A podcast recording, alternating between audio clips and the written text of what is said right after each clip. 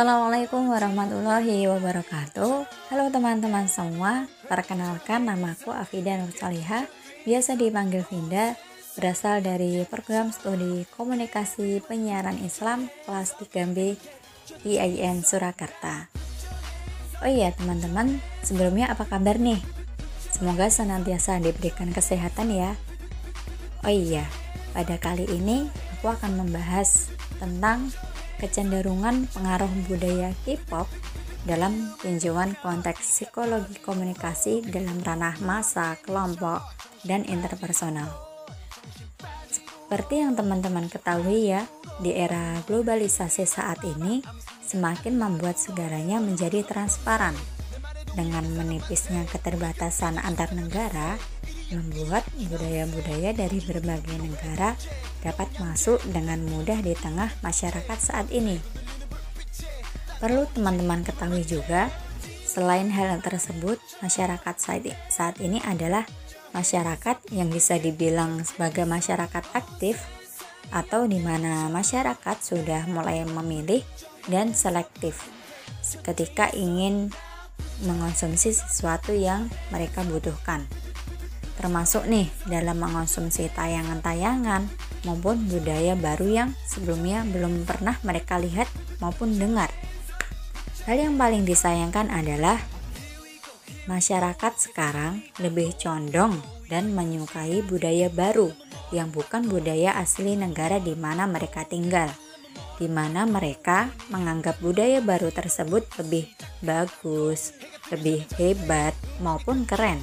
Hal tersebut sejalan ketika masyarakat mulai meninggalkan budaya aslinya, dibarengi dengan maraknya budaya-budaya dari luar yang bisa menghipnotis halayak.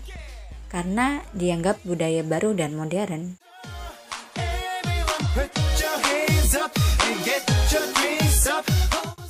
Kemudian, budaya baru tersebut telah merasuki masyarakat dari berbagai kalangan, terutama remaja remaja nih yang kemudian mereka sudah banyak yang melupakan budaya asli negaranya dan lebih memilih budaya baru tersebut. Nah, di antaranya adalah maraknya budaya pop Korea yang saat ini menjamur di negara Indonesia. Menyebarnya budaya Korea melalui dunia hiburan menciptakan demam Korea di mana-mana. Demam Korea muncul sejak banyak digemarinya film-film, drama, dan musik Korea yang disebarkan media massa, terutama televisi dan internet. Nih perlu teman-teman ketahui ya, sejarah gelombang Hallyu dimulai pada tahun 1990-an di mana drama dan film menjadi ikon yang berkontribusi besar pada kelahiran Hallyu. Hallyu memiliki beberapa konten kebudayaan yang menjadi komoditas ekspor utama, yaitu film, drama televisi, musik, dan fashion.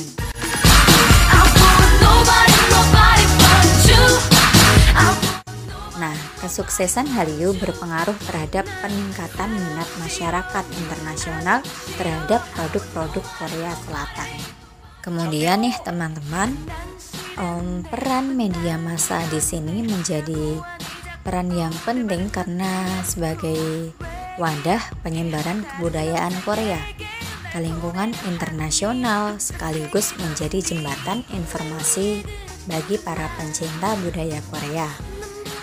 Nah, media saat ini memegang yaitu peranan penting gitu dalam kegiatan penyebaran kebudayaan Korea modernisasi dan liberalisasi media Korea akan mempengaruhi gelombang kebudayaan Korea di tingkat lokal maupun internasional.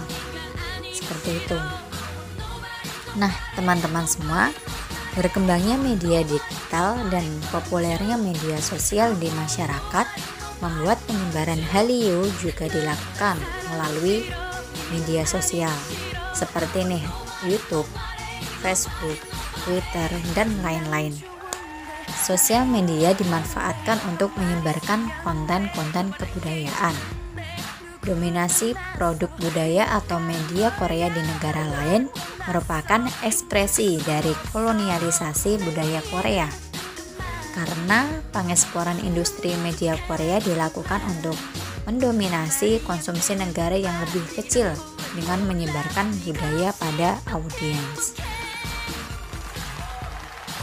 Kemudian, dalam sudut pandang ranah kelompok terdapat penggemar, pengagum, dan fans atau seseorang yang menggemari sesuatu dengan antusias seperti grup lagu, tim olahraga, buku, atau selebriti. Para penggemar ini menunjukkan antusiasnya dengan bergabung menjadi anggota klub penggemar pada suatu kelompok. Kemudian, menyelenggarakan atau ikut serta dalam diskusi dan pertemuan penggemar, kemudian menerbitkan majalah penggemar, menulis surat penggemar, mengumpulkan benda-benda yang berhubungan dengan sang idola. Kemudian ada juga yang mempromosikan benda-benda untuk mendukung idola mereka dan membuat seni penggemar. Berkembangnya budaya pop Korea di Indonesia dibuktikan dengan munculnya ASEAN Fans Club, yaitu blog Indonesia yang berisi tentang berita dunia hiburan Korea. Nah, blog ini ya, didirikan pada tanggal 1 Agustus 2009 oleh seorang remaja perempuan bernama Santi Elasari. Berdasarkan data statistik dari situs Pagerang Alexa, ASEAN Fans Club adalah situs Korean entertainment terbesar di Indonesia. Sedangkan dari segi karakteristik demografis, pengunjung ASEAN Fans Club hampir seluruhnya berasal dari Indonesia. Nah, perlu teman-teman ketahui juga, sebagian besar merupakan wanita berusia di bawah 25 tahun dengan akses internet rumah maupun sekolah. Jika dilihat dari statistik jumlah pengunjung, yaitu di bulan di tahun 2010, jumlah pos mengalami peningkatan pesat menjadi 629 dalam satu bulan dan terus meningkat sampai 1542 pos dalam bulan Mei tahun 2013. Nah, data ini teman-teman menunjukkan bahwa budaya pop Korea di Indonesia berkembang sangat pesat.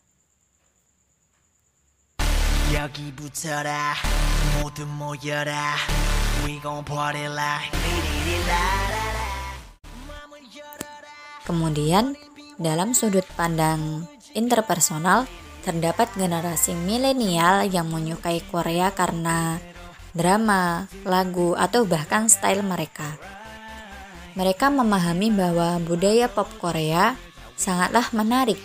Budaya yang mereka miliki berbeda dengan budaya lain, serta memiliki keunikan tersendiri ya seperti tadi lifestyle kemudian fashion dan lagu Korea merupakan bagian dari pop kultur Korea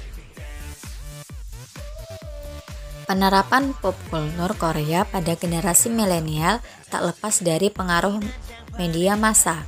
Media massa tentunya memiliki peranan penting dalam penyebaran budaya pop Korea.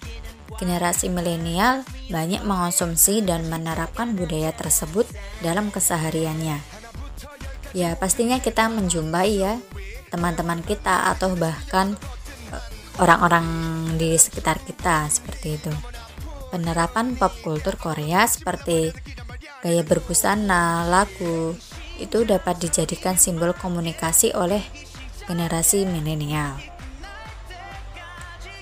Kemudian, sebagai kesimpulan untuk analisis ini atau yang kita bahas ini bahwasannya di era globalisasi saat ini semakin membuat segalanya menjadi transparan dengan menipisnya keterbatasan antar negara membuat budaya-budaya dari berbagai negara dapat masuk dengan mudah di tengah masyarakat saat ini. Nah, di antaranya ya teman-teman, ya itu tadi maraknya budaya pop Korea yang saat ini menjamur di negara Indonesia. Namun, Generasi milenial tidak harus selalu mengikuti tren budaya pop Korea. Nilai-nilai budaya, agama, dan sosial yang ada di lingkungan masyarakat juga perlu diperhatikan. Budaya populer sangat berkaitan dengan media massa. Oleh sebab itu, diharap bijak dalam menerima segala informasi dari luar dan tidak secara langsung menerima begitu saja. Sekian dari saya.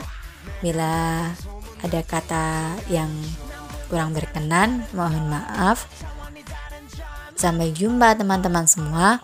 Assalamualaikum warahmatullahi wabarakatuh.